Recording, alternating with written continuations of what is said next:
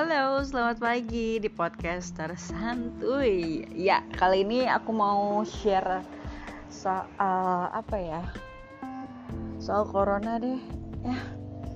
Karena nggak habis-habis nih kayak episode sinetron pilihan Nusa dan Bangsa ya.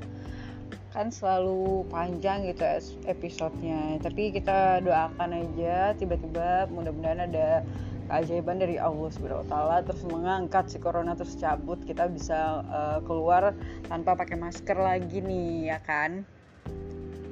Gitu loh guys. Terus apa namanya tuh um, awalnya sih corona ini kayak apa ya kayak monster gitu yang yang apa ya yang bikin kita tuh jadinya berpikir tentang gimana caranya supaya gue nggak kena gimana caranya sih gue menjaga segalanya gitu ya dari virus, bakteri dan segala hal gitu ya dan juga pelakor gitu ya bakteri bernama pelakor misalnya gitu ya pepacar juga ada tuh pacar pemakan pacar orang. Canda. Nah jadi ke si corona kita balik lagi ke si corona ini ya.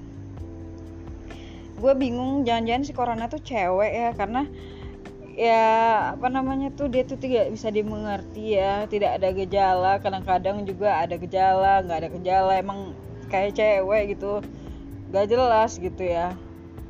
Dan masih banyak penelitian dan penyelidikan mengenai kasus si corona ini kan masih banyak banget yang kepo gitu kan apakah di, dikasih vaksin gitu kan. Aduh ketahuan di rumah gue di deket ini nih di tengah jalan.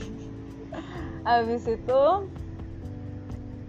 kita masih bahas seputar corona nih guys ya kan? Mulut gue kayaknya udah sedikit terbuka ya. Mari kita latihan uh, vokal sedikit.